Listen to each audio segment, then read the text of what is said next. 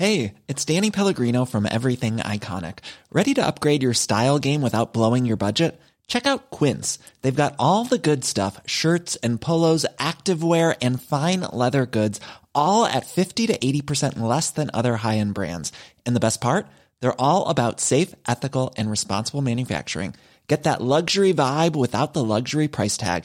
Hit up quince.com slash upgrade for free shipping and 365 day returns on your next order. That's quince.com slash upgrade. Hold up. What was that? Boring. No flavor. That was as bad as those leftovers you ate all week. Kiki Palmer here, and it's time to say hello to something fresh and guilt-free. Hello Fresh. Jazz up dinner with pecan-crusted chicken or garlic butter shrimp scampi. Now that's music to my mouth. Hello Fresh. Let's get this dinner party started. Discover all the delicious possibilities at hellofresh.com.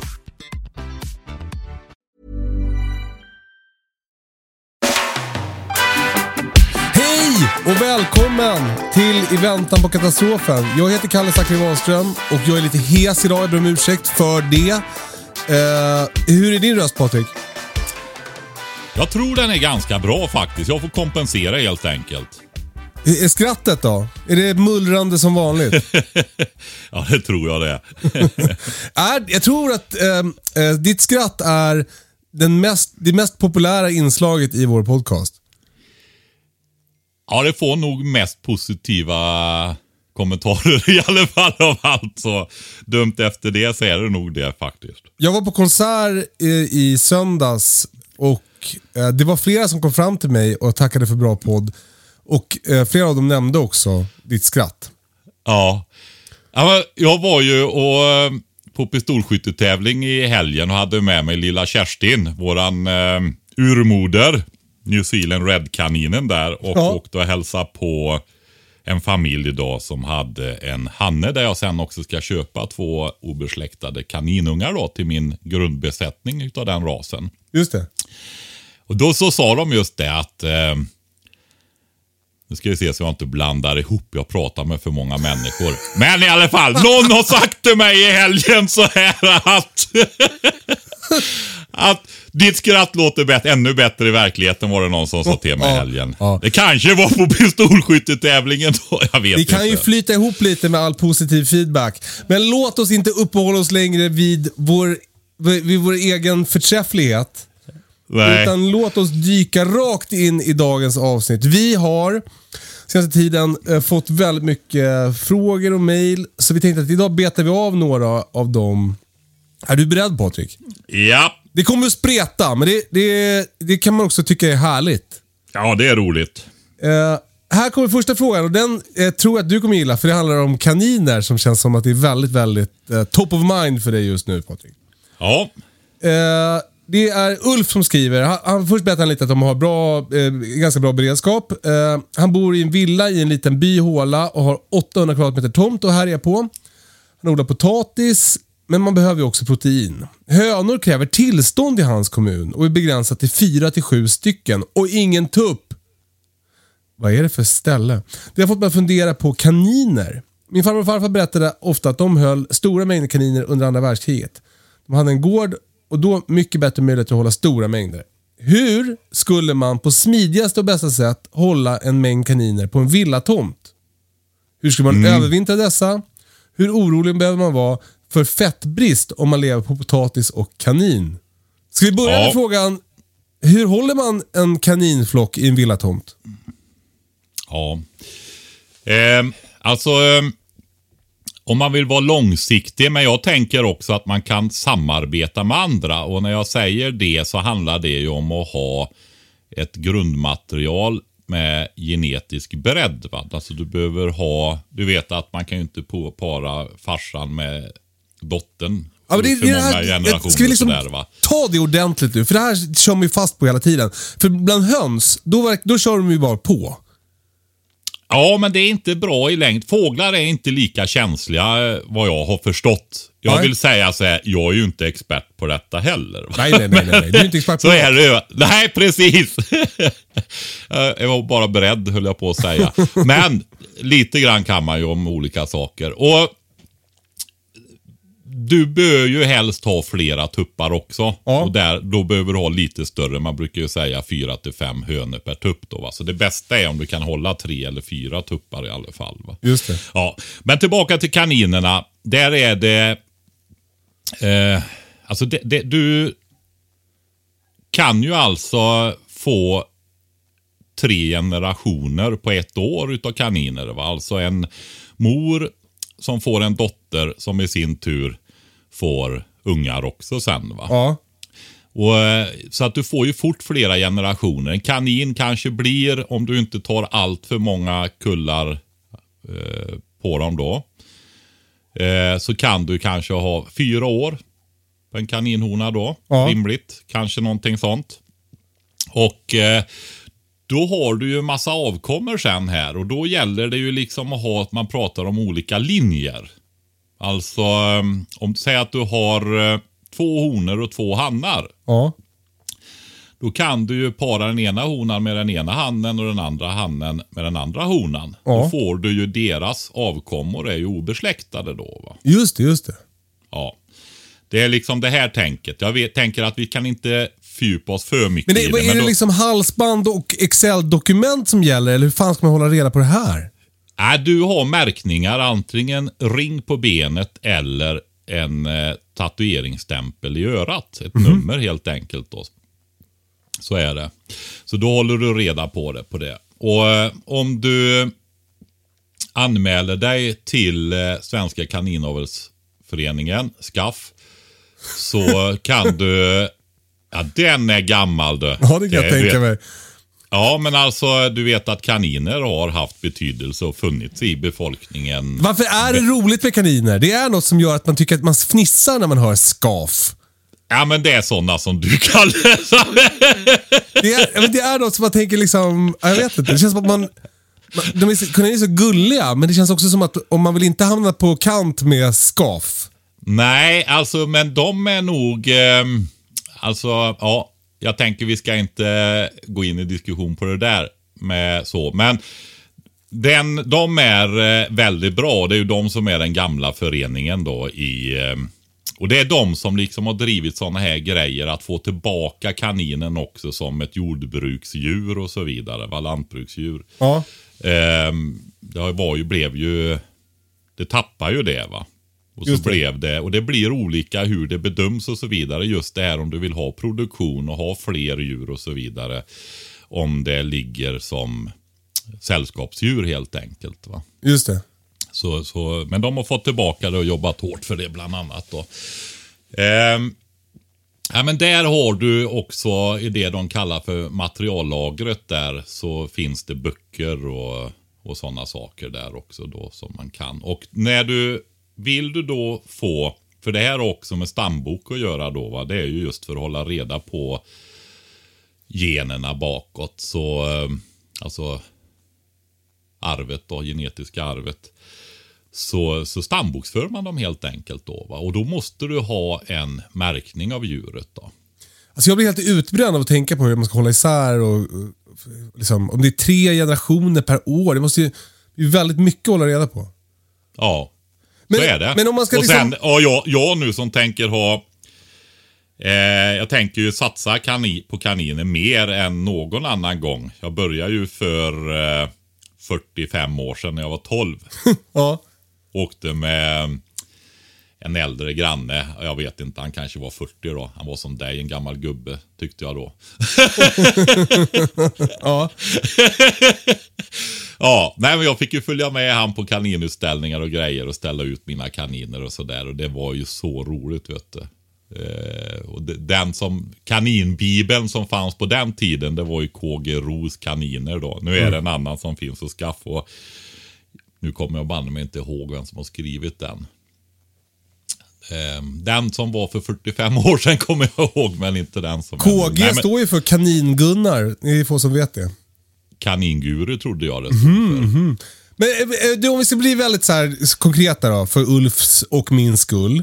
Ja, Eh, vad, hur, bo- man, hur börjar man? man? Man skaffar en kanin, eller två. I- Ja, och man behöver ju inte göra det så här märkvärdigt som jag gjorde det nu. Så här kommer jag göra. Så har inte jag gjort det de här mellangångarna. Jag har haft kaniner i omgångar då.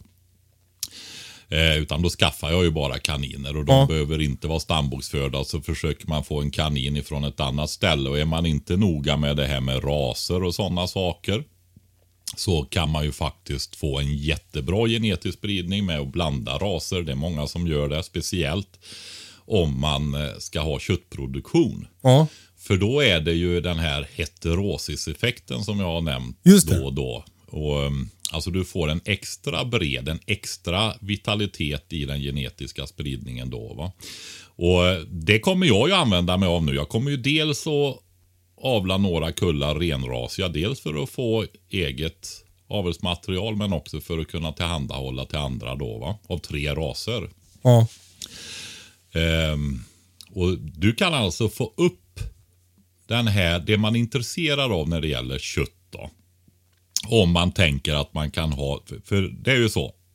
Ju fortare djur ska växa och ju kraftigare de ska, då kräver det ju bättre foder. Va? Mer proteinrikt foder och sådana saker. Annars, kan man, annars är det ju lantraserna som är guldet där. va. Ja.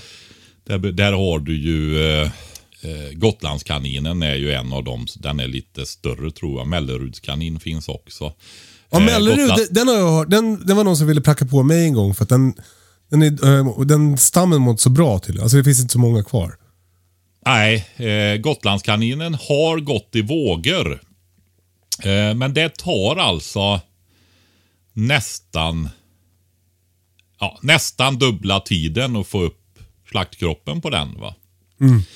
Och det, då kommer man ju, alltså säga att det tar 6-7 månader istället för 3-4 månader. 4 månader kanske man kan säga på de andra. Och Då kommer du till nästa problem. Alltså, en hona kan få upp till, ja hon kan få mer också men det är, jag, jag tror inte det är bra att pressa dem mer. Alltså så, utan fyra kullar, upp till fyra kullar om året kan vi säga då. va. Åh jävlar. För de är ju dräktiga i 30 dagar ungefär då. Men vänta, fyra kullar och tre generationer. Det är 12 kaninkullar varje år då, får du då. Ja, men om en av dem, om säger i januari så kommer en kull där då.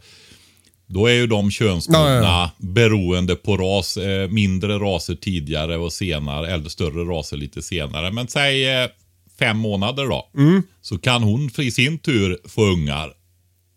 Just det. Så det är inte Ja. 12 kullar utan det är sex eller sju. Ja, men å andra sidan, så om du tänker efter. Ja, då är vi, då är vi ju i slutet på maj. Då har hon ju en, så hennes dotter, den, alltså dotterns dotter kan nästan få i året på slutet där. Slutet på året också då, även med lite större. Ja, det går att få, få ganska mycket kaniner. Eh, Tack för att år. ni lyssnar på Kalles mattepodd. vi går inte längre där, jag känner jag orkar inte själv heller. Men eh, det blir my- mycket kaniner blir det va. Och eh, ja, men det, ja, alltså, ja, det har vi sagt förut den där. Alltså, om, om man lämnade kaninerna ensamma. Att de på, på tre år skulle göra ett sju kilometer tjockt kaninlager över hela jordklotet. Om, om de fick oändligt med mat. Ja, något åt det hållet i alla fall. Det är, går, det är ju exponentiellt. va, Så, att, eh, så är det. Men eh, det kommer till det där problemet som jag sa. Det är ju utrymmena. Va? Och här har vi en villatomt. Alltså, Ja, Ulf bor ska- i villa. Mm, precis. Och inte, det är ju en sån där lite modernare, inte de allra modernaste, för de tror jag är på mellan 300 och 400 Ja, kvadratmeter. va? ja. och tio gånger så dyra som de gamla. Ehm, där man ser liksom i epokerna där när villorna är byggda på tomtstorleken. ja. Har du tänkt på det? Alltså det är så deppigt det där. Det är som att folk tänker att tomt är ett problem. Nej, det är pengar. Det är det det handlar om. Det det. Du får ju in fler tomter och det. Eh, tack för att ni lyssnade på Kalles mattepodd. Ja. ja. Ja, nej men så är det. Så att antalet burar är ju en begränsningsfaktor också. Och eh, det är därför jag tänker så här att det bästa är ju då om man kan få folk att samarbeta med runt omkring sig istället. Just det. Så att du inte behöver ha så många, vad ska vi säga, avelsdjur då va. Utan att du kan ha ungar istället i, i mer burar då va. Och så byter man avelsdjur och sådana saker med varandra istället. Om man är några som kan samarbeta om det där va. Just det. Så är det, för att då får du ju fler. Eh, men i och med att de är slaktmogna ganska tidigt så eh, eh, de här mer produktiva då va. Det sa jag aldrig, men du kan alltså få upp snabbheten 20-25% i tillväxten med heterosiseffekten. Och Alltså korsningar? Jajamensan, precis. Och gärna att om du har tre korsningar då. va. Eh, samma som jag berättat förut om pigghemgrisar och sånt där. De här produktionsgrisarna vi har i landet. Va? Och dessutom så kan du då få att de gör åt mindre foder per kilo tillväxt. Då, va? De blir effektivare. Växer fortare och gör åt mindre foder för att växa helt enkelt. Då. Alltså de blir effektivare. Det är ju det, det som är produktiviteten när det gäller den produktionen. Då. Så är det. Så det är eftersträvansvärt. Men, om man men eh, eh, om man ska prata konkret om burarna då. Hur, hur, hur ska man tänka där? Ja, det är ett jätteviktigt område. Man har ju gått över mer och mer till, vad ska vi säga, inhägnade hagar. Frigående kaniner nu då. Men det tar ju stort utrymme. Eh, men det är ju roligare för kaninerna, det är helt klart va. Jag har ju en kanin som lever vilt på min tomt. Ja, Eh, den är ju kul. Den har klarat sig i två år här ute. ja det är ju helt otroligt. Men Ja. är den tam fortfarande då? Alltså, den är tamare nu än den var förut. Mm. Den är fortfarande, li- barnen får klappa den, jag, jag får klappa den ibland. Du får det i alla fall. Eh, Ja. trots, trots att du är stormonstret där. Ja, exakt. Ja, den är, det är en riktig genikanin. Jag är liksom sugen på att avla på den för att den är så jävla bra på att överleva. Ja. Mm. Eh, nej, men kaninburarna då. För det är... Ska du ha optimera det så är det ju kaninburar. Och då är det jätteviktigt att man går in på Jordbruksverket och tittar på burstorlekarna där. va. Det Ja. finns regler för hur burarna ska vara utformade då. Och det, det du ska titta på då det är att du har klart för dig vad är det för storlek på kaninen. Ja. Eh, alltså när den är fullvuxen då. Och då finns det olika kategorier där. Men den är väl gjord för liksom, alltså de regel, regelverket är väl gjort för industrin mer? Alltså, nej, nej, nej, nej, nej. Det är gjort för alla. Jo, jag förstår det. Men alltså, jag menar bara för när det gäller höns till exempel, då får man ju max ha sju per kvadratmeter. Så här. Och det, det har man ju aldrig om man inte är sjuk i huvudet. Liksom. Nej, precis. Så, det, så du, det, regelverket brukar ju vara, liksom, det, det brukar vara en grej om du är en sån som försöker tjäna pengar på. Ja, in som- men eh, kaniner är det inte så. Utan Ah, okej. där är, gäller det även sällskapsdjur då. Så det är ingen skillnad på jordbruk och sällskapsdjur. Vad jag såg. Nej, men det, det, är inte det jag menar. Jag menar att det är skillnad. Jag menar bara att du kommer antagligen, om du tänker så här, de ska ha det lite härligt, då kommer din bur vara tillräckligt stor. Nej, alltså Nej. För det är ganska stora krav just på kaniner. Jämför, det har blivit eh, det. Jag som hållit på länge har ju sett att det har eh, det är större krav nu på utrymme och så för kaninas, kaninernas trivsel. Det är kaninlobbyn det- som ligger bakom det. Ja, det är det. Och det har nog att göra just med att det inte var ett jordbruksdjur utan blev rent sällskapsdjur under något eller ett par decennier där. Va? Men, eh, men det hänger med fortfarande då. Men det finns separata regler också. Men då är det bland annat att om du har det som jordbruksdjur då, eller lantbruksdjur så um, får du ha spaltgolv. Alltså jag ska egentligen inte gå in och prata detaljer i regler utan jag får alltid kolla det där för det är ju många detaljer och de ska bli rätt. Men du får ha spaltgolv men det får inte vara i med delvis. Jag tror att det är en tredjedel av buren då.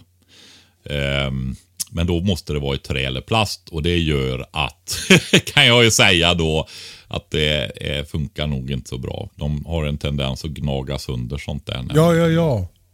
Så jag kommer inte ha spaltgolv utan jag kommer ha tätt golv i mina helt och hållet då. Va? Ja, som ja. jag bygger nu. Så är det. Men eh, titta där. Eh, har man lite större kaniner så blir det rätt stora och eh, man kan titta där man ska bygga. Får man in tre i bredd eller får man inte in tre i bredd så är det bättre att göra de två i bredd på den väggytan som att de blir lite större än reglerna ändå skulle jag nog säga faktiskt. Om, om, det, om man ska kompromissa och utnyttja och så vidare och det inte går med tre. Va? Förstår du vad jag menar? Jag fattar. Bra. Och sen är det ju det att bygga upp så mycket burar man kan på den ytan efter kanter och sådana grejer. va. Jag ska göra, det jag var i helgen nu, det är en sån. villaträdgård i nästan exakt ehm, jag tror de hade tusen kvadratmeter, men det är ju samma decennium då. Va? Ja, ja, ja. de är byggda de villorna. Eh, och jag ska ju dit och hämta kaninungar, så jag tänkte göra ett lite, litet reportage när jag åker dit. Just Jaha, för att kul. det är ju, ja, alltså lite, du vet Instagram-reportage. Ja. Inte för mycket, utan lite bilder och sådär mer och korta filmsnuttar kanske. Jag la upp eh, lite grann när jag tog på mig och familjen och så där nu då, så då ser man. Men garaget är ju inte till för bilar längre, det kan jag ju säga.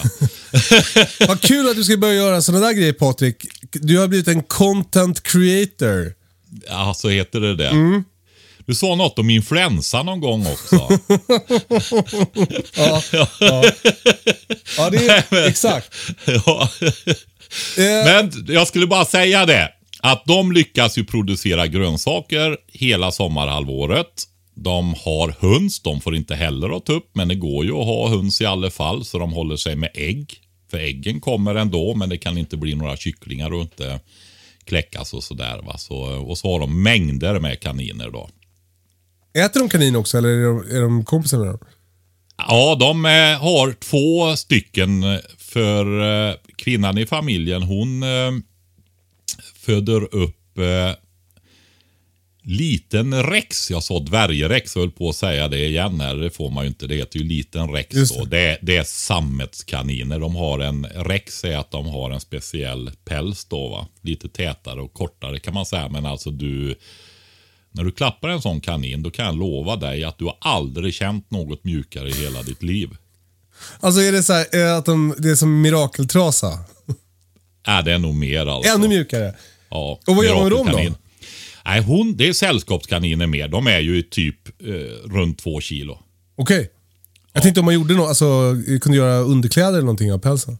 Ja, ja. Ja, men absolut. Det är ju, Rex är ju ett pälsdjurs, pälsproduktion. Det har man ju haft kaniner till och har fortfarande också i viss utsträckning då. Ja. Till som pälsdjur. Va?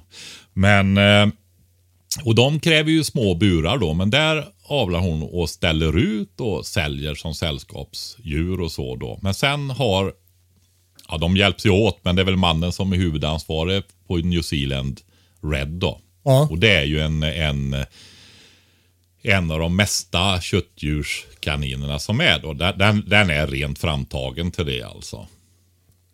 Otippad könsuppdelning. Ja, Alltså att hon, att, nej inte otippad. Alltså att kvinnan ställde ut och mannen ordnade kött. Ja. Eh, men det är ju toppen ändå. Eh, eh, eh, alltså har vi svarat på Ulfs fråga nu? Alltså, det smidigaste och bästa sättet att hålla en mängd kaniner på en villatomt, det är att samarbeta och sen bygga en massa burar och ha överallt och kolla på Jordbruksverket. Ja, och fått med storleken där, precis. Eh, det kommer ju att bli, ju fler kaniner man har, ju mer fantastisk gödsel kommer man ju att få. Så Ja. det är ju super att kombinera med grönsaksodling då, kompostera eh, gödseln då. Kul. Eh, hur ska man övervintra kaninerna? Ja, alltså det är ju så med de här smådjuren. Jag själv har ju ingen jordbruksfastighet, så jag brukar säga det är nog dags igen just för nya eh, lyssnare här då. Utan jag har en betydligt större villatomt då. Ja. Så den är ju på över ett hundland. Ett, Ja. 5700 kvadratmeter då. Men det innebär ju att det i huvudsak är smådjur här. Fåglar, kaniner. Jag har grisar ibland, men då köper jag ju kultingar och föder upp och så får de hjälpa mig med jordbearbetning, ogräsbekämpning och sånt där. Va? Nu kommer jag att skaffa får också. Vägt mellan får och getter. Men eh, det, det blir får, även om det kräver lite större flock för att de... Men då sammar, får jag samarbeta med grannar och sånt om det då. Helt Just det. Enkelt, va? Så Men, men när det gäller övervintringen i alla fall så... Ja, jo men då, då är det så här att smådjuren är ju så fantastiska då. Kaniner, fåglarna rätt över, änder, gäss, kalkoner, höns och så, va? vaktlar. Det är att du kan ju övervintra få djur när det finns lite mat. va. Nu hamnar man ju i den situationen om man har 800 kvadratmeter att man får ju köpa foder i så fall. Va? Ja. Samarbeta. Till nöd så kan man väl hålla på och slå med lie och härsa och sådana där grejer. Och man har någonstans att ha det då. Va? Just det. Så är det. Så det är inte, men för mig då som kan producera en del foder, ha beten och så vidare på sommaren. Så är det ju ändå så här att jag kan ha få djur under vintern. När det är kärvare, mer ont om mat och sådana saker. Och sen när det blir mer äta, beta och så vidare ute så kan jag föröka upp dem fort. va. Ägg, det är, om man har kläckare då så är det ju bara att kläcka på våren, vårvintern. Och kaninerna, de har vi ju redan pratat om då. Va? Och du, apropå eh, eh, kläcka ägg. Så jag har inte ha några kycklingar i år för jag har så, eh, jag har så mycket höns nu. Jag har så mycket foder. Men så glömde jag ta äggen i söndags. Och eh, så kom jag, kom jag in på måndag morgon. Då låg det en höna i varje rede och ruvade. Men jag, jag körde bort dem. Utom en. Den fick ligga kvar. En får ligga. Ja. Ja. Eh, men så tror jag, alltså, jag tror också att det är en anka som ligger under ett hus ute och ruvar. Ja. Och sen så tror jag också att det är en höna som ligger på ett, ett hemligt ställe och ruvar. Så jag får- kommer nog få lite fågelungar ändå. Ja, men de blir ju väldigt bra när de får fram sådana. Då får du... Jag tänker det är bra att ha sådana i en flock om man vill ha kvar det här naturliga beteendet faktiskt. Ja. Att de kan ruva själva och sådär. För kör man bara kläckare så får du ju ingen selektion på det alls Nej, egentligen. nej. Nu är det ju lite speciellt eh, just med fåglar i och med alltså de här flockfåglarna här. För att de ruvar ju även andras ägg. va. Ja, precis.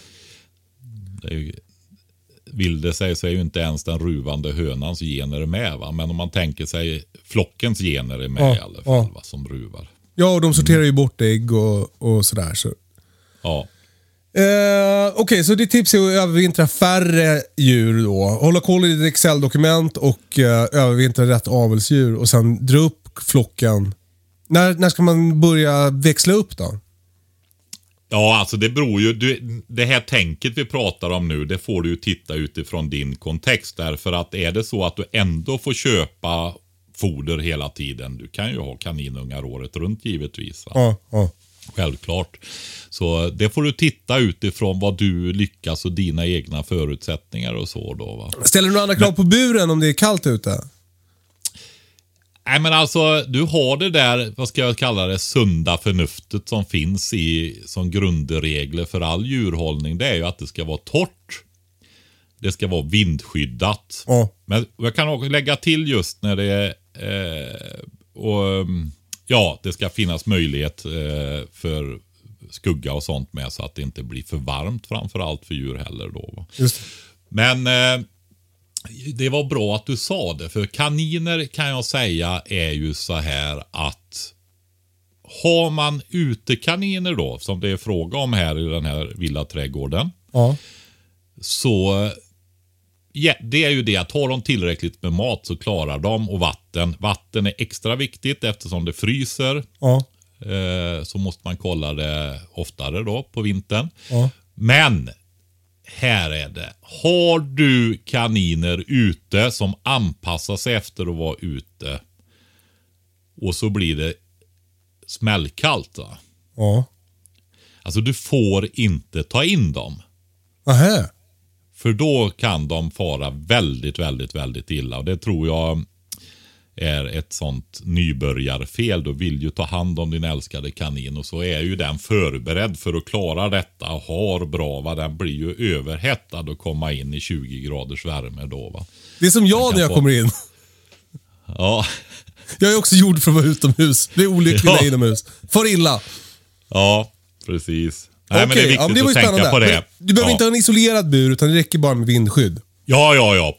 Alltså att, inte, att den har regnskydd och vindskydd och så. Så att den kan hålla sig torr och varm. Va? Men det är också så här, har du en innekanin så tar du givetvis inte ut den. Men det tror jag inte är ett lika vanligt misstag. För då är inte den anpassad för att vara ute. Och det här tänket det gäller ju mycket av djuren. Och grunden är ju det att du väljer jag tänker om vi breddar det även till andra djurarter då som höns och så vidare och så har du kärvare klimat. Då gäller det ju om du ska ha dem ute så behöver du ju välja raser som är anpassade för det. va. Ja, Så, så att de är härdigare helt enkelt. Då, va? just det. Och det är ofta lantraser och sånt då kan man säga, men även andra. Eh, hur orolig behöver Ulf vara för fettbrist om man lever på potatis och kanin? Det är väl en, en eh, kilokalorifråga egentligen va?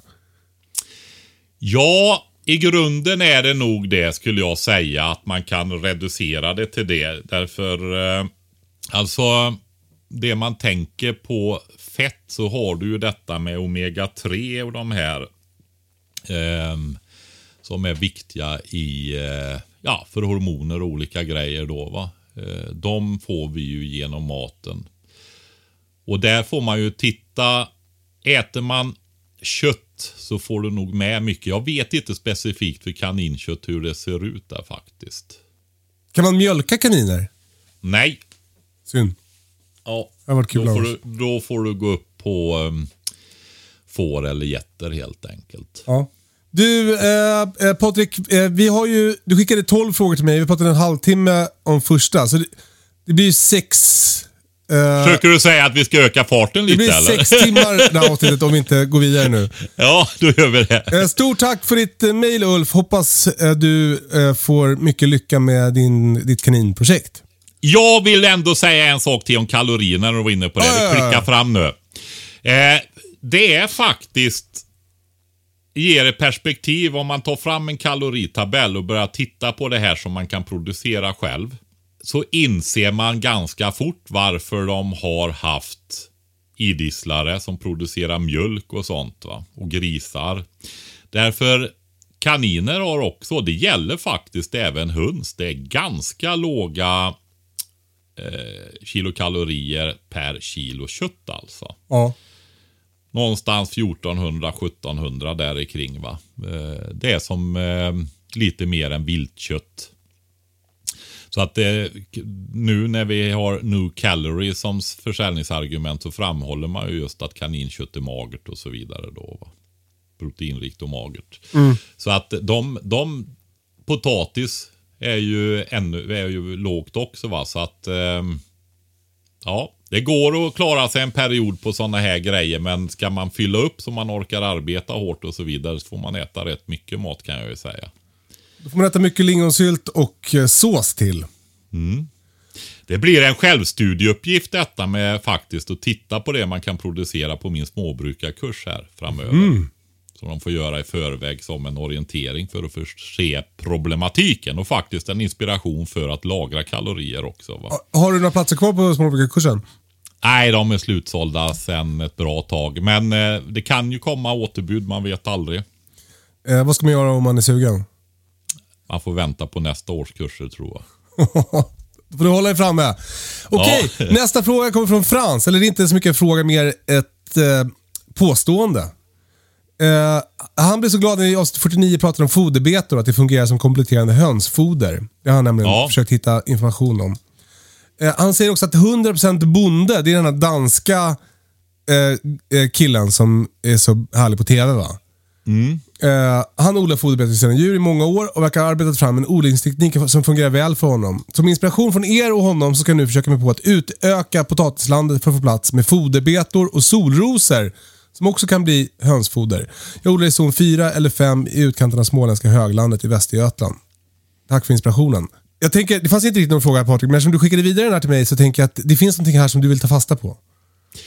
Ja, det var blanda nog ihop den med en annan fråga faktiskt. Nej, men det, var en, det finns en fråga där de frågar om det är lämpligt för hönor med foderbeter. Ja.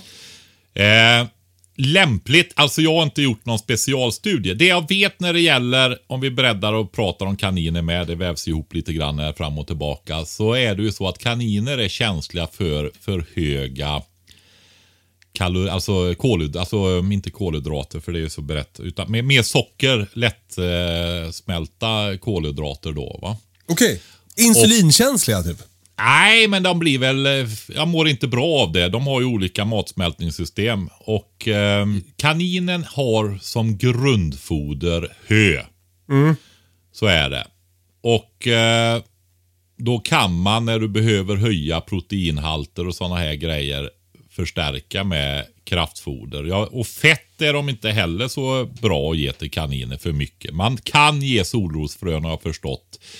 Eftersom jag tittar på detta och hunnit läsa lite grann här. Så eh, man får dock vänja dem väldigt försiktigt. Typ med ett solrosfrö första dagen och två nästa ungefär. va. Kanske lite i underkanten Alltså där. ytterligare en kolumn i Excel-dokumentet. Nej, men i och med att du kan odla solrosor så är det ju, och det är lättodlat och det är kaloririkt. Och snyggt. att- Ja, precis. Och insekterna gillar och alltihopa det här. Va? Så är, det är ju en väldigt intressant gröda om du breddar det här småbrukandet lite. Va? Både och för hönsen speciellt då, som tål det bättre. De Vilken sorts solros odlar vi?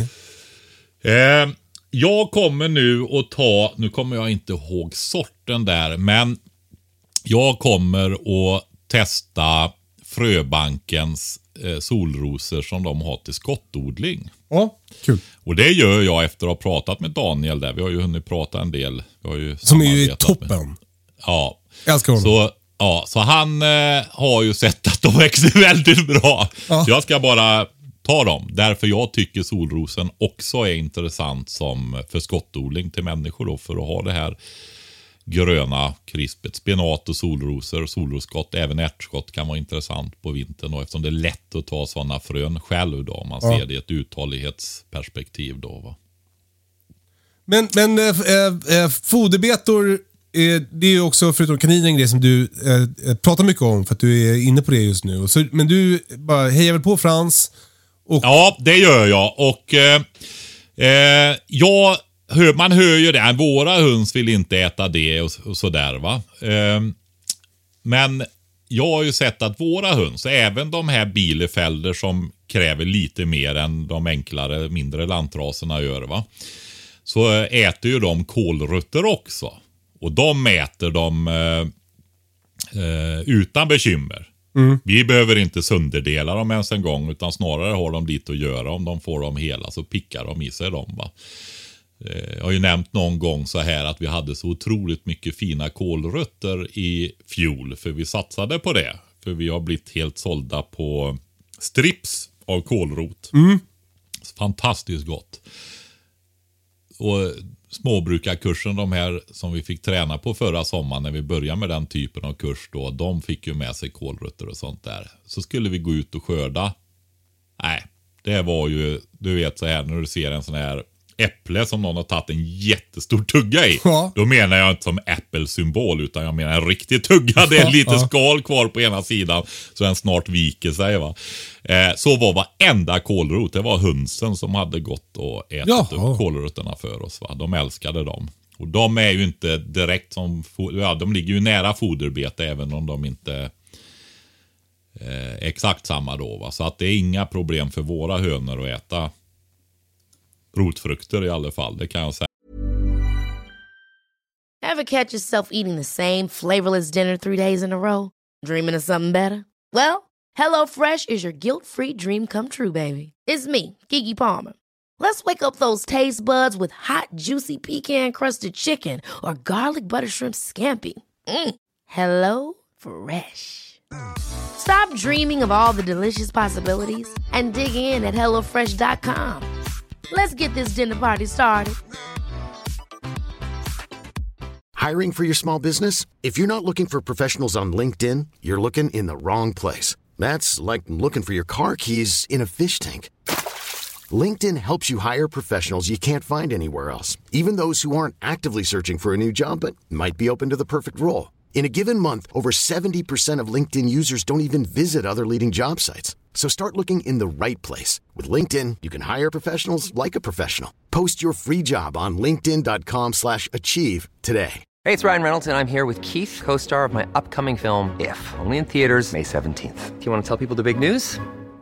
All right, I'll do it. Sign up now and you'll get unlimited for $15 a month in six months of Paramount Plus Essential Plan on us. Mintmobile.com slash switch. Upfront payment of $45 equivalent to $15 per month. Unlimited over 40 gigabytes per month. Face lower speeds. Videos at 480p. Active Mint customers by 531.24 get six months of Paramount Plus Essential Plan. Auto renews after six months. Offer ends May 31st, 2024. Separate Paramount Plus registration required. Terms and conditions apply if rated PG.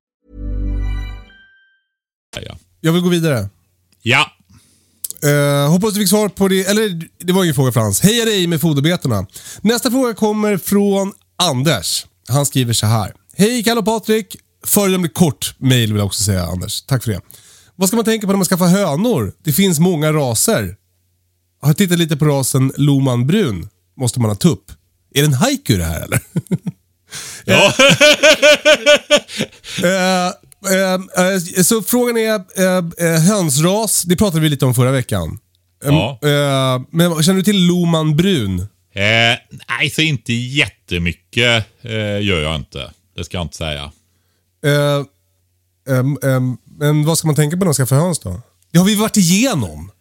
Ja, jag tycker är lite repetitionsfråga, men eh, vi kan ju ändå säga så här. Han frågar ju också om man behöver ha tupp. Just det, ja det är det. Ja. Vill du ha kycklingar måste du ha tupp.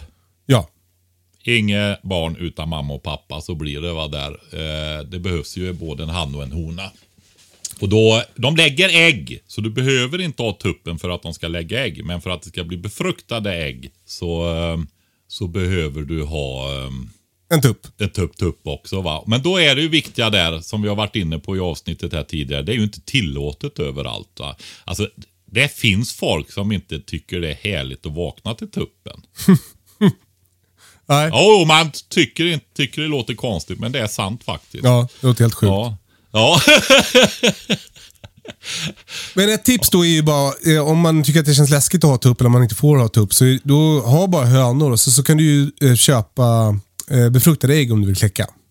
ja. Eller få av mig. Eh, Okej, vi går vidare. ja. Eh, en fråga från Mattias. I avsnittet den 12 januari 2022 pratade vi om att man ska ha jordkontakt när man sår i brätten. Vore väldigt tacksam om ni förklarade vad det betyder och vad det är bra för. Just det. Det har vi ju pratat om i något av de tidigare avsnitten, så vi tog det nog lite snabbt där som repetition. Nej, men det är ju så här när eh, jag har full vinter ute nu. Nu är det fortfarande lite tidigt, men jag kan ju få full vinter även i början på maj. Ja.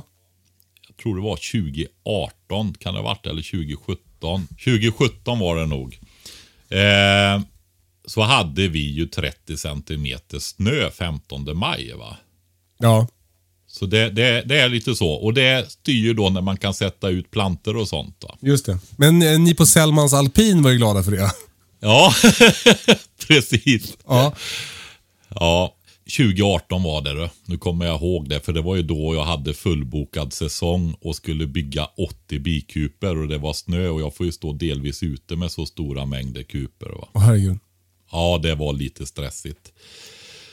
Väldigt stressigt var det. Ja, hur som helst. Då är det så här att man har drar upp planter och det här gäller ju de här som jag kallar för fyra veckors planter egentligen. Va? Alltså kål, sallad, rödbete, mangold, den typen. Eh, alla kålsorterna där va. Och för er som är liksom nybörjare på det här, då, då, när Patrik säger fyra veckor så är det att det är fyra veckor från att man sår dem tills det är dags att plantera ut dem. Så, så då får man räkna bakåt för, för, från när man tror att de kommer klara sig ute. Och så ska man, så typ jag ska så kål och det, det borde jag kanske ha gjort redan, men det har jag inte gjort. Uh, här jag bor, det kom det i och för sig snö i natt, så man blir lite knäckt. Men Ja, det är ju, för dig är det ju, du kunde ha sått för två veckor sedan kan jag tänka mig ungefär, men du är ju fortfarande inne i liksom, inte jätteförsenad. nej. Så det är bara, bara att göra det kan du göra när vi har pratat färdigt. Ja, ja, verkligen. Jag, jag har inget annat Ja. för mig, så det är lugnt. Ja, det är bra. Nej, men du har ju olika typer av... eh, Det här är ju sånt som man ofta har ganska mycket plantor av. Alltså det gäller ju att få plats med dem. Och det innebär ju att du kanske inte har de största krukorna. Utan du har brätten.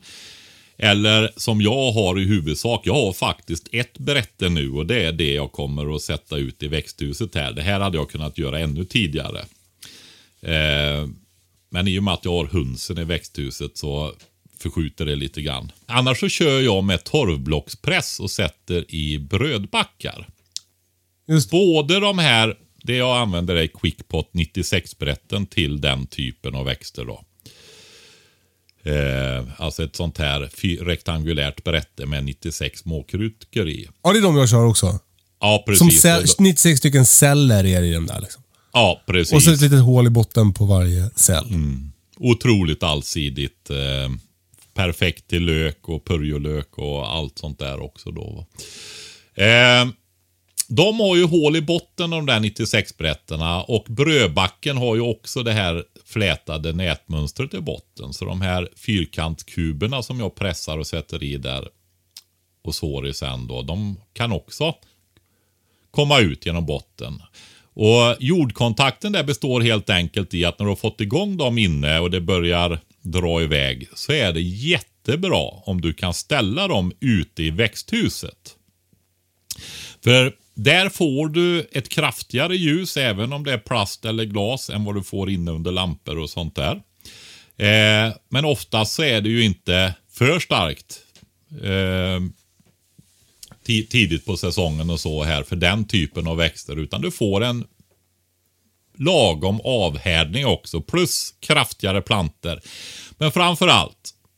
Är det nu då så att du har plantjord i, så du har hyfsat med näring i den här, men det är fortfarande ganska små jordmängder. Så är ju problemet det att näringen tar ju slut för den här plantan i den här lilla jordmängden. Om det drar ut på tiden, om det är 30 cm blötsnut. Va? Just det. Och står den då med jordkontakt, då skickar den ner rötterna i jorden. Och hittar ju näring där inne i växthusjorden som ofta är ganska näringsrik. Va? Mm. Så kan de fortsätta att växa. Det blir liksom inte det här stressmomentet. Jag, det bara dyker upp blomkål i huvudet på mig när jag säger det där stressmomentet. För de är så kitsliga just. Det får liksom inte bli någon torrchock eller eh, näringsbristchock eller liksom någonting sånt där för de där. För då krånglar de alltid. Va? Precis, för och jag har precis skolat om mina eh, tomater från 9 cm krukor till 13 cm krukor var jag hade köpt tydligen, inte 15. Och eh, det, eh, det var ju samma anledning där egentligen. Att jag, de behövde få mer näring. Eh, De började få gula blad längst ner, så, vissa. Så då, då var det dags att, att plantera om dem. Precis. Eh, så det är samma grej med de här med eh, kolplantorna. Kul att du är så entusiastisk, Kalle. Kul! Ja, ja mina tomater är, undrar om de är 5 cm höga än. Jag har ett gäng sådana också. Jag, jag sådde eh, hälften av mina eh, tidigt. De är stora Ja, du- nu. Och sen hälften eh, två veckor, tre veckor senare och de, de är små fortfarande. Ja men vad bra, för jag sa ju det. Testa nu och gör så du kan jämföra. Du kommer ju att få tidigare med de tidigare sådda, det tror jag alltså. Men om det, jag tror det kommer ikapp bra de andra också med tiden där. Jag tog in två chili eller paprika, jag har inte riktigt koll för jag misslyckades med märkningen även i år. Men eh, som står i, i, ett, i ett söderfönster inne i huset och de har ju börjat blomma nu. Ja, Det är ganska tidigt. Eh, så de var bra. Okej, men då har vi svar på den frågan. Jag hoppas eh, du är nöjd med det svaret Mattias och vi går vidare. Susanne har skrivit en lång, ett långt mail till oss. Eh, om man ska sammanfatta det så är det att hon pratar om att hon bor inte optimalt ur ett beredskapsperspektiv. Hon bor högst upp i ett höghus i en förort. Nu till min fråga. Bla bla bla. Förlåt Susanne, jag måste korta lite här. Eh, regnvatten. Är det smart eller bara naivt att tänka att vi på något sätt skulle kunna skaffa oss utrustning för att samla upp regnvatten? Hon har alltså en takterrass. Eh, och Hon vill använda det här regnvattnet i en krissituation. Jag pratar inte om några jättestora mängder, men kanske upp till 100 liter. Så att man i normala tider har möjlighet att växla vattnet och använda det till bevattning att- av odlingarna. Eh, med någon fiffig kran slash slang. Hur ska man då samla upp det? Vad samlar, samlar jag i? Hur hittar jag rätt behållare? Eh, den behöver kunna klara av att stå utomhus vintertid utan att frysa sönder eller blåsa sönder. Det går rätt vilt till här på våning 9 de bistraste vin- vinterdagarna säger de. Uh, hur ska man undvika att det blir ett enormt förorenat fågelbad och så vidare. Alltså uh, ett kärl för regnvatteninsamling. ja längst upp. Det lät... Uh, hmm. Ja, nej men jag har ju läst det där mejlet också. och Det var ju mycket om problematiken runt omkring att ha eh, beredskap i lägenhet i stan. va. Ja. Så är det ju. Eh, och det är det ju. Och jag, jag vill ta upp det också här. För jag tänker också fortfarande när jag träffar människor så tänker de att ah, men jag odlar ju mat. Va? Så jag, ja. Det är jätteviktigt att ha kalorilager. Det är kaloribrist som är svält. Ja. Så är det. Så är det, så är det. Det är väldigt få grejer man kan odla. Vi uppmuntrar ju verkligen till att odla och det gör vi dels eh, för att det faktiskt bidrar, inte minst med nästa punkt efter kalorier, näring. Eh, men också för att lära sig sådana här saker och göra saker. Eh, för att bli det som du sa så bra, som många börjar använda, att bli en kapabel människa. Va? Alltså att man... Eh, och jag tänker när man är på lägenhetsnivå, alltså en takterrass, vad sa, hur stor var den? Var den på 40 kvadratmeter? Ja. Alltså det är ju en ansenlig yta alltså Ja. när det gäller att producera grönsaker om man tänker igenom systemet alltså. Så att du hela tiden har någonstans där du drar upp plantor. Eh, kan man fixa vindskydd och sånt på ett tak så minskar ju avdunstning. Eh, det går ju att göra med spaljer, med plankväggar om man får göra, eller faktiskt med vissa växter också då. va. Eh, jag tänker på vattenhushållningen, men också just det här att det ska växa bra. Men drar du upp planter, ofta de här fyra veckors, kunna ersätta, skördar du ett salladshuvud så finns det ett som är fyra veckor i ett brätte eller en kruka eller någonting som du kan sätta ut med en gång. va. ja. Alltså du kan ju ha väldigt hög produktivitet i en sån odling då. Va? Men det är det där Excel-dokumentet som måste fram igen då, så du har lite koll på. Ja, det är ju en plan helt enkelt som du kan göra för att odla på en sån yta. Så får du, eh, ja, kanske inte superduper mycket kalorier här. Det går ju att odla en hel del potatis eh, intensivt på olika sätt i våningar och sånt där också. Men, men framför allt så får du ju väldigt mycket fina grönsaker va, som du kan ha på den ytan. Det är det. Men tillbaka, vattnet var ju ändå, alltså det är ju klurigt det här. Men får jag bara fråga en grej där om, om att odla eh, liksom platsbesparande? Eh. eh För jag är så jävla inne på de här Biltema-hyllorna jag har. Alltså, det kommer väl från dig från början, som allt annat. Men det är några lagerhyllor som finns på Biltema som kostar typ 700 spänn. Som är 1,60 breda och eh, 60 djupa. Eh, där jag har satt LED-lampor och nu så har de börjat sälja några, några brätten på Biltema som är som odlingsbrickor. Och det får plats två sådana precis på varje hyllplan. Om du har sådana, inte bara för plantuppdragning utan även för odling under de varma månaderna så får du plats med väldigt mycket plantor. Ja, men så är det ju. Du kan ju odla i nivåer på en sån yta. Va? Om Ja. du har en sån begränsad yta så kan du ju verkligen intensifiera odlingen. liksom. Alltså eh, odla tredimensionellt. Ja. Compact gardening. Ja, Men du, det här med regnvattnet då? ja. Eh, jag ville komma tillbaka innan vi går in på Ja, det. förlåt. Så vill jag ändå säga det att när det gäller lägenhet och beredskap. Eh, alltså, då pratar vi om när det verkligen händer någonting. Inte det här med en aktiv livsstil och allt, för då är det ju fantastiskt. Men det är lager där som gäller. Va? Och jag tänker att det är, eh, ja, lägenhet är klart begränsande alltså. Kolla, lyssna på det här då. Här kommer ett förslag till eh, Susanne som kanske, eh, det kanske inte är riktigt eh, okej för bostadsrättsföreningen, men vad vet de? Du bygger ett litet eh, eh, varmförråd eh, på din takterrass. Eh, där kan du sen ha kalorilager eh, och du får också ett litet tak där du kan eh, samla regnvatten ifrån. Jag är ett geni! Ja, alltså kruxet är ju att du får eh, vattnet nedanför. Men eh, jag, ja men alltså, jo alltså det med ditt förråd då. Men om vi håller oss till det här, för hon har ju golv, det är ju så med sådana terrasser att du har, eh, det lutar och du har eh, avrinningshål och så vidare. Så går det ner i dagvatten, alltså regnvatten. Eh, utsläppen där då. Va? Om man kan samla upp vattnet där på något vis. Men jag tänker just det där med att frysa till is. Hon tänker sig kanske som dricksvatten också då. Men om man tänker som bevattningsvatten så är det ju i huvudsak på sommarhalvåret och då fryser det ju inte. Nej. Eh, men det är ju ändå så att få samarbeta med grannen på balkongen under helt enkelt och dra ett rör där. Smart. Ja. Nej men alltså om man kan göra takyta men då kan du inte utnyttja den stora mängden eh, där helt enkelt. Det kan man inte. det smartaste jag kan komma på så här spontant, för jag har inte reflekterat över det jättemycket just på vattnet där. Men eh, det är ju helt enkelt om man kan ställa kärl på en balkong nedanför och leda avrinningen då helt enkelt. Om den går på utsidan av huset. Hör Eller flytta är ett alternativ också. Ja, om du bor på en takvåning med 40 kvadratmeter terrass och är en stadsmänniska. Då, då kanske du inte vill flytta. Nej. Det är en avvägning faktiskt.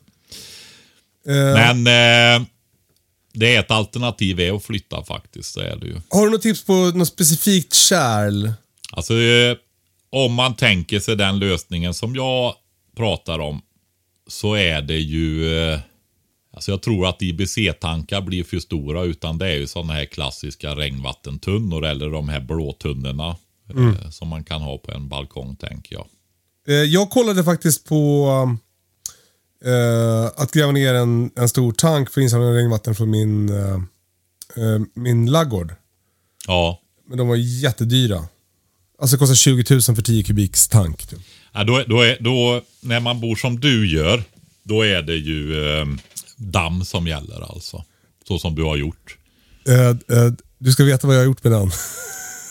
ja, det, Det, gjorde ett annat kallar, Jo, det är inte en damm längre, det är en sjö. har du varit ute och grävt? Ja, jag, det var, jag har ju några eh, här för ett markarbete, ett annat markarbete. Och de har så jävla stor grävskopa. alltså det, de, deras skopa är 750 liter. Ja. Eh, Så, så jag frågade om de inte kunde eh, göra min damm lite större. Så det har de gjort nu.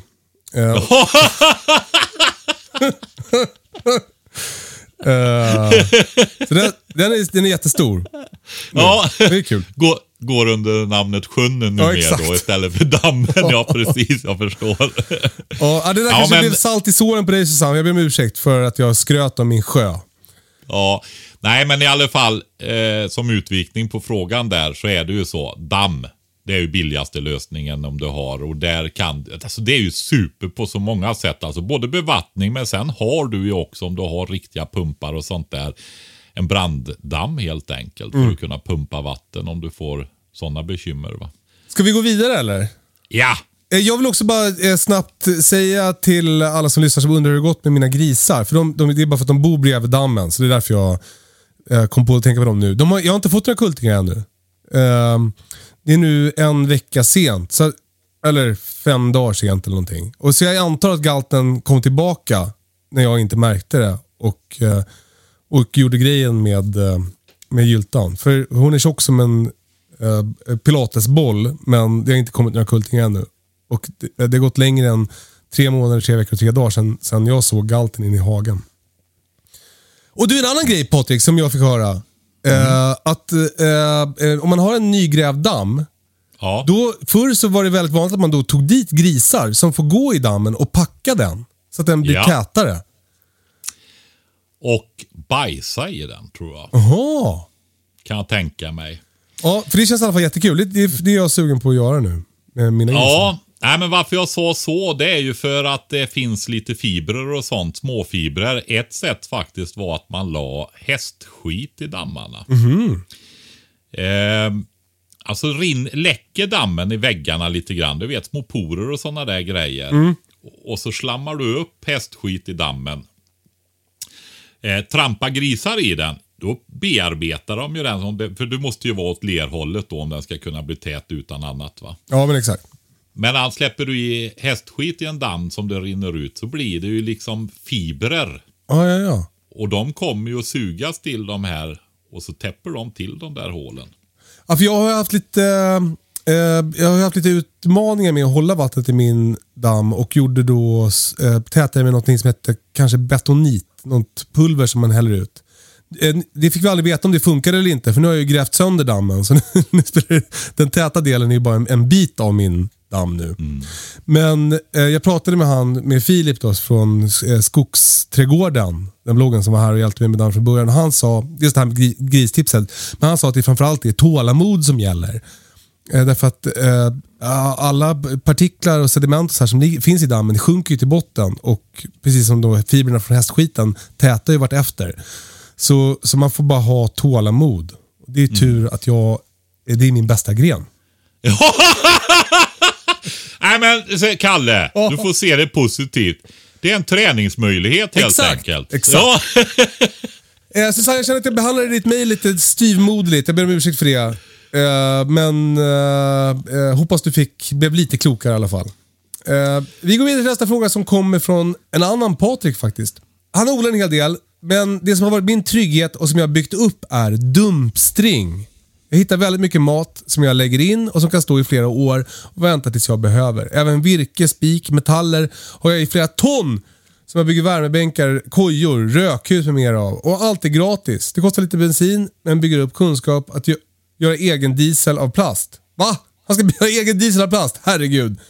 Patrik, jävla, vilken jävla king det verkar vara. Ja. Eh, Han vill också dricka är- kaffe med dig Patrik. Han bor nära. Ja. Han kan bjuda Ja. på kaffe. Det är antagligen dumpstrat. Ja, precis. Jag- det, det är kanske färskare än mitt då. Som är, jag har ju mycket kaffe jag vet du, så det är rätt lång omsättningstid på det. Så han ser nog färskare än mitt Men det han kanske. säger i alla fall, allt behöver inte kosta. Har man bara kunskap så kan det mesta göras. Mitt tips till folket är att bemästra de fyra elementen. Göra upp eld, odla mat, rena vatten och få energi via luft. Så klarar man sig väldigt bra i svåra tider. Väldigt tack för en podd och lycka till med allt. Ja, dumpstring Patrik. Ja, nej men det är ju en samlare helt enkelt. Och jag är, ja, för jag kanske tycker att det är ett bra tips, det är ju därför att jag är så dålig på det själv. Va? Det bästa jag åstadkommer är ju att handla på auktioner ungefär. Va? Eh, Men så träffar man ju människor ibland och det är ju lite överlevnadskonstnärer tycker jag. För eh, alltså de hittar ju alltid grejer. Överallt. Och, kan, och bygger, jag har sett det också, många de bygger ju så fina grejer av skrot alltså. Ja, ja. Jo men alltså det är ju verkligen så. Det är olika personligheter och jag tänker att det där är ju verkligen en överlevnadskonst liksom. Ja, men det kräver ju lite mer engagemang. Men, men att ha en bevakning på Bortskänkes på Blocket i, i sitt närområde är ju värt. För helt plötsligt så får man en lekstuga och så kan man ha höns i den. Liksom. Eh, jag har ju det här lyxet, jag, eftersom jag är på TV så är det väldigt många som vet att jag eh, eh vill ha olika grejer hela tiden. Att jag har mycket plats. Men jag fick nu plötsligt liksom eh, en hel eh, trave med eh, eh, lite vattenskadad eh, plywood. Alltså det, det är ju 60 hela plywoodskivor. Ja, alltså du vet idag när det är så dyrt va. Ja, alltså jag det har är så försökt. värt. Men att bara hålla på och säga ja till allt. Och Om det är någon som säger så här, är det någon som vill ha det här? Säg ja, ta hem det. Lägg det bakom något så att du inte slipper se det. Mm. Men du kommer att ha glädje av det där en dag. Så kan du bygga en grill av metallskrot du hittar. Ja, men du Kalle, det, om man säger tillmälet skrotkalle, det låter inte så illa tycker jag. Nej, det tycker jag låter bra också. du, apropå skrot. Så eh, i samband med det här grävarbetet vi gjorde nu, så vi har ju, eftersom vi bor på en gammal gård och förr i tiden så hade man ju liksom lite eh, slappare regler kring det här med sopsortering. Mycket slängdes ju bara ut för en slänt här. Och nu de som var här, de har också en hjullastare med en kran på. Så, så de lyfte upp allt det där skrotet och la i en container och så kom det en gubbe och hämtade det där. Och det blev en plusaffär. För skrotpriset är så högt just nu. Så jag gick alltså plus på att slänga all skit, trots att jag inte ens tog upp det själv ur slänten. Så gick jag ändå plus. Det är ju helt Ja. otroligt. Nej, de där får man ju faktiskt se upp lite grann med om man har, köper gamla ställen och har djur och hängnar in och helt plötsligt så har grisarna bökat lite så är det fullt i glasskärvor och vassa plåtkanter och Ja, grejer. på ett- ja. Så de, de, de, de fanns ju på, ja men det var det naturliga sättet att ha en egen under 1900-talet när jag säga, produktionen ökade och det blev mer sådana här grejer. va? När man fick mer Innan dess- saker liksom. Ja, precis. Innan dess var det ju väldigt stor resurshushållning. Va? Och där hade du ju också material som gick och Gick det sönder så gick det ju att ha till ved och sådana grejer. Va? Men sen kom ju det här med glas och, och plåt och så ut överallt. Va? Och det fanns ju inga system att hantera det utan det finns ju en sån skrot eller en sån där tipp på Ja. varje liten gård någonstans. va? Många är väl bortstädade idag men man får se upp med det alltså. Jag, jag räddade, eh, jag la ut en film på det här på eh, Instagram och eh, eh, bland annat du hörde ju av dig då och sa att jag inte, absolut inte fick slänga välten. Som, som är en sån här stor traktorgrej man drar för att platta till eh, när man vill odla. Och den vägde väl säkert ett ton, så det hade varit massa mer pengar. Men jag, jag fick ihop sju ton utan välten, för välten behöll jag. Ja, ja du behöll den, vad Ja. bra. Precis. Eh, ska vi, vi gå vidare Patrik? Ja, Nu har vi fått en fråga från Per. Han skriver så här. Jag har haft anledning att inventera och komplettera familjens beredskap och gjort det strukturerat under sju dagar. Tack! Han har alltså följt vår sju dagars utmaning mot en bättre hemberedskap. Eh, men hans fråga är, dessa jävla bäst före-datum som står på. Jag är med- medveten om att man ska försöka rotera maten, men av och till springer tiden iväg och så står man där med tre, en tre år gammal flyttlåda full med mat. Så när ska man ta bäst före-datum seriöst och när ska man skita i det? Jag menar, kan pulvermos bli dåligt? Pasta, mjölkpulver, olika konserver. Jag vill skilja på det som kanske inte smakar lika gott efter en, två år, eller bäst före om man riskerar att bli sjuk. det där är ju den näst vanligaste frågan. Vilken är den vanligaste, Kalle? Eh, hur ska jag lagra vatten i lägenhet? Ja, när, hur länge, när ska jag rotera Ja, och så ja. vidare. Rotera vatten, precis. Ja, nej men eh, bäst, det här är ju lite känsliga områden då. Men om Ja, vi men tar... nu kör ja, vi det bara, är- Patrik. Ja, det gör vi. Det här är inte Sveriges Television, nu får vi ta ut svängarna. Äntligen. Äntligen ja. Du, eh, Adidas. Nu sa jag ett märke Ja. bara för att jag kunde. ta... Ja. Ja men alltså ärligt så jag måste väl, jag kom första gångarna vet du, blev, jag blev ju, kom ju där i mina eh, blåbyxor och grejer. tejpa vet du. över allting. Jag tejpade ju över hela mig, varenda liten tygflik med det märket på liksom så här. Ja. Jo, det var känsligt. Mm. Eh, jo, eh, bäst före, torrvaror då. Alltså, det som är där är ju ofta skadedjur helt enkelt. Va? Mjölbaggar och olika insekter och sånt där som fördärvar dem snarare. Alltså, för, hur fördärvar de dem då? Nej, de lever ju i det. Det är ju superenergirikt. Ja, Tänk men alltså varför blir det dåligt av det? Alltså det gör, de kan ju äta grejer och sånt där. Och man kan om man har igång frysar och så eller om det är kallt ut så kan du ju frysa sån mat och sen siktar du det. Det är ju det gamla husmorstipset liksom. Att frysa dem så, så dör de så kan du sikta bort dem. I alla fall mjölbaggar. Men det finns ju annat där du har ägg och sådana här grejer som kan överleva ganska kalla förhållanden och sånt där. Men jag är ingen expert på olika arter och så. Det är väl Anticimex som är det. Men Eh, det är ju så i alla fall. Och vi som har lite större, alltså har lager i flera nivåer. Alltså du har ju färskvarorna, sen har du skafferivarorna, det är ju det där du omsätter. Eh, mindre ja, burkar och sånt där med eh, bönor och linser och pasta och allt det här. Va? Men sen om man har ytterligare ett lager då så är det sånt som du inte roterar helt enkelt. Och det är ju framförallt torrvaror då. Bönor, linser och så i lite större mängd då. Då gör man ju så helt enkelt att man tar mylar och syreabsorbenter i gnagar, rått och, musäkra mussäkra behållare då, eller relativt säkra som de vanligtvis inte går på för de kan gnaga sig igenom rätt kraftiga grejer. Då skulle det bli plåt alltihopa. Va? Men eh, grejen är ju så här att då tar du bort syret med syreabsorbenterna. Va? Så då klarar de sig ju inte. Mm-hmm. Så därför så får du det. Det man kan skydda sig med när det gäller eh, nivå 2, skafferilagret där va. Det är ju faktiskt att ha flera små behållare som är täta. Skulle du då få med dig när du handlar det här in ägg eller sådana saker. Ja men då kanske det är bara, alltså om du köper det i omgångar va. Eh, då blir det en viss del som kan bli angripet utav skadedjuren då va. Det blir ju inte alltid eftersom det är flera mindre behållare va. Just det.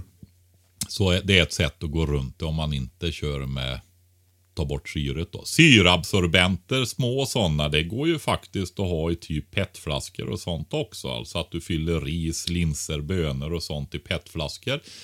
Slänger i en syraabsorbent, skruvar på locket va. Så eh, funkar ju det också. Men det behöver ju vara en, en eh, lufttät, en tät behållare då va. Eh, och då kan man säga, då gäller inte bäst före längre. Absolut inte. Ja, det, jo, men alltså. Eh, det finns ju olika uttryck. Nu kommer jag inte på det andra. Bäst före. Just det det. betyder ju att den är bäst då. Inte att den är dålig vid midnatt. Just det. Sista förbrukningsdag står det ju på kyckling till exempel. Ja, och där, då kommer vi ju in på betydligt känsligare grejer. Äntligen. Det är, ja, men det är ju färskvaror. Mm. Eh, mejeriprodukter. Vissa charkuteriprodukter kan jag säga, men de lite mer färskare där va. Så... ehm, Och de blir, det, där blir det faktiskt på riktigt farligt att äta om de är för gamla. ja, precis. Och då, för då är det bakterietillväxt i dem. Ja, och, och, och farliga, alltså ta kyckling till exempel. Där har du ju det att det kan vara farliga bakterier redan från början dessutom. Va? Ja. Eh, så att då är det ju det här som vi har sagt om, nu gäller, eh, där är det ju salmonella och ehm, åh, ja, eh, det är några andra också som är eh, campylobacter. Eh, sådana som du blir skitdålig av alltså. Alltså eh, sjukhusdålig blir du. Oj. Rejält sjukhusdålig blir du. Om du får en sån kraftig det. Ehm, så där är det tillagning. Alltså du måste tillaga, du får inte ha, ha rosa kärna i kycklingköttet. Det är inte till, det då, då kör du hög risk alltså. Det, Ja, men, alltså, det, det, det, men, men så länge du har koll på var köttet kommer ifrån så är ju inte kyckling farligare än något annat. Jo, du ska alltid vara noga och ha hög hygien när det gäller kyckling. Ja men exakt. Och- Men alltså, så länge du och- har det så kan du Det är ju inte kycklingen i sig som är... Nej inte, nej, inte så, men det är alltid en viss... Eh, du ska alltid köra med marginal till de här eh, sjukdomarna om vi säger så. Va? Just det. Men för till exempel i kan få- Tokyo så fick man kyckling sashimi. Alltså rå Ja. kyckling. Och då, men då har ju de antagligen koll på att isär då.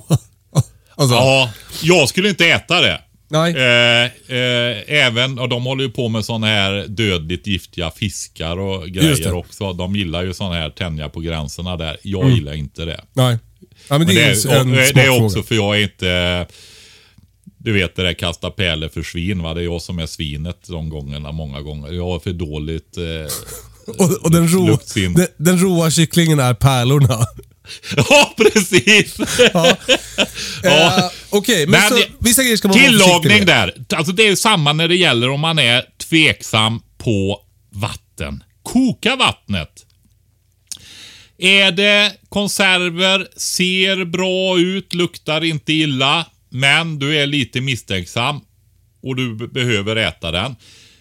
Tillaga den så att det verkligen blir uppvärmt. För där har du ju botulinum ett, jag tror att det är världens giftigaste ämne. I alla fall ett av dem alltså. Det är inte mycket som behövs för att döda hela jordens befolkning med det där om man sprider ut det. Va? Men värmer du upp det ordentligt så fördärvas det här giftet. Så att det måste ha varit en framgång. Jag är ledsen ni som är råfoodare alltså. Men när mänskligheten lärde sig och elden och laga maten Ja men så gud måste ja. det ha varit ett stort framgångsgrej alltså på överlevnad. Det är väl också mycket lättare för kroppen att ta hand om, om maten när den har kommit in i, i kroppen, när den är tillagad. Ja, så kan det vara också. Du kan ju mycket bitterämnen och sånt när det gäller växter och sånt där också. Att du... Eh, Okej, men så, så eh, bäst före är oftast bara en rekommendation och har du lite eh, kunskap och koll så, så är det eh, lugnt. Ja. Ja, men det är ju om vi tar vissa färska mejeriprodukter som inte är förädlade. Ost. Alltså det är ju det häftigaste som finns här. Du, jag älskar lagrade prästostar va. Och ehm, så får du sådana här sex månaders prästostar kortlagrade. Och så säljer de dem till halva priset.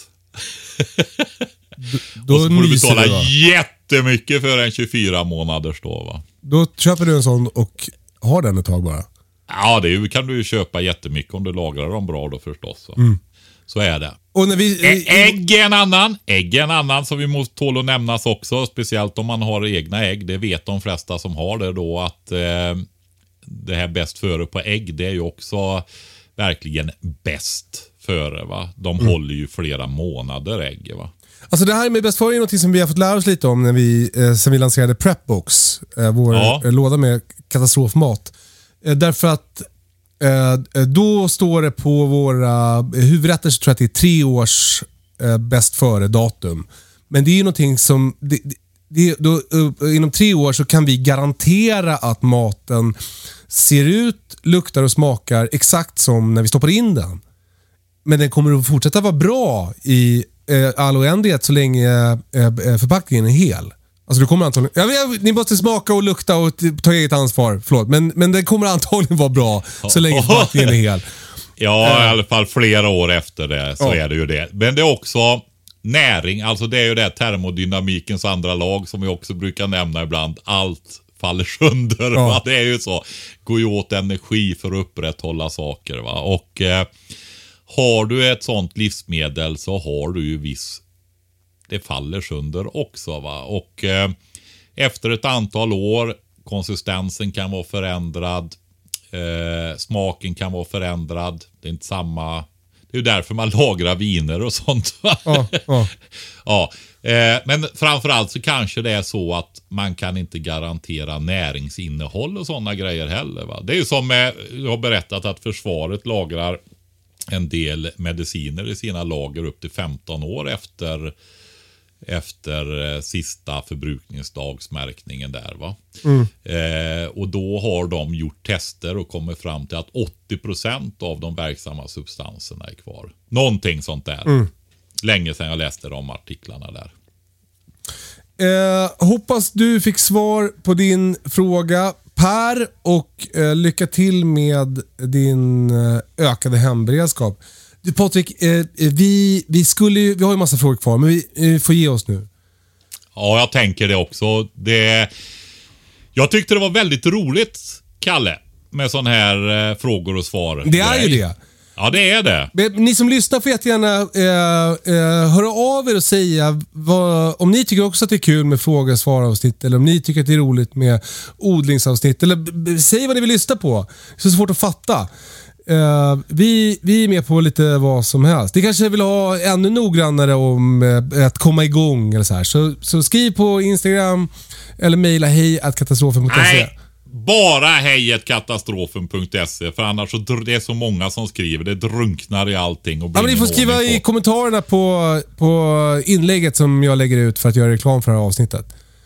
Skicka inte DMs. Patrik kan inte hantera dem. Ibland när jag går in på, ibland på Katastrofens Instagramkonto så ser jag att det är så här 14 nya meddelanden och tänker så här, nu kommer, nu kommer flitens lampa lysa sent i Ragvalds kärn. så det verkar ha så Ja. mycket att svara på Patrik. Bra kämpat. Ja, ja, nu eh, är det väl så att jag får släppa där. Eh, faktiskt. Det, Ja. Nu blir lite för hektiskt och jag brukar sitta på kvällarna när hustrun tittar på Netflix. Just det. Ja, det är en stående grej för er som inte fattar det. Liksom. Så jag brukar alltid säga, man kan ju välja att baka bröd eller någonting istället för att Ja. se på Netflix när man ska göra grejer. Ja, precis. Men det är också när du, du, du säger Netflix med samma eh, eh, tonfall som du säger botulinum. Det är ungefär samma, alltså samma avsmak. Eh, tusen tack för att ni lyssnar. Vi hörs igen om en vecka. Eh, eh, glöm inte att varje dag... Nej, jag vet inte fan. Öka din hemberedskap på något sätt. Eh, puss och kram, ha det bra, hej! Hej då!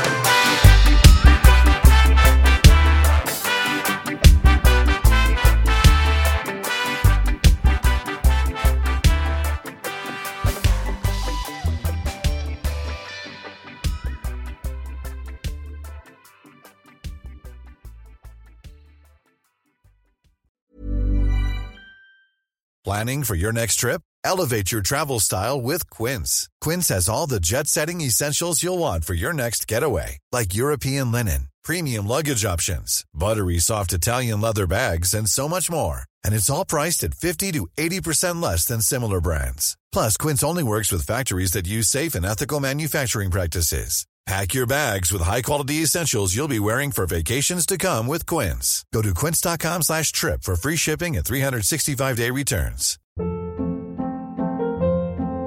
Hold up. What was that? Boring. No flavor. That was as bad as those leftovers you ate all week. Kiki Palmer here, and it's time to say hello to something fresh and guilt-free. Hello Fresh. Jazz up dinner with pecan-crusted chicken or garlic butter shrimp scampi. Now that's music to my mouth. Hello Fresh. Let's get this dinner party started. Discover all the delicious possibilities at hellofresh.com.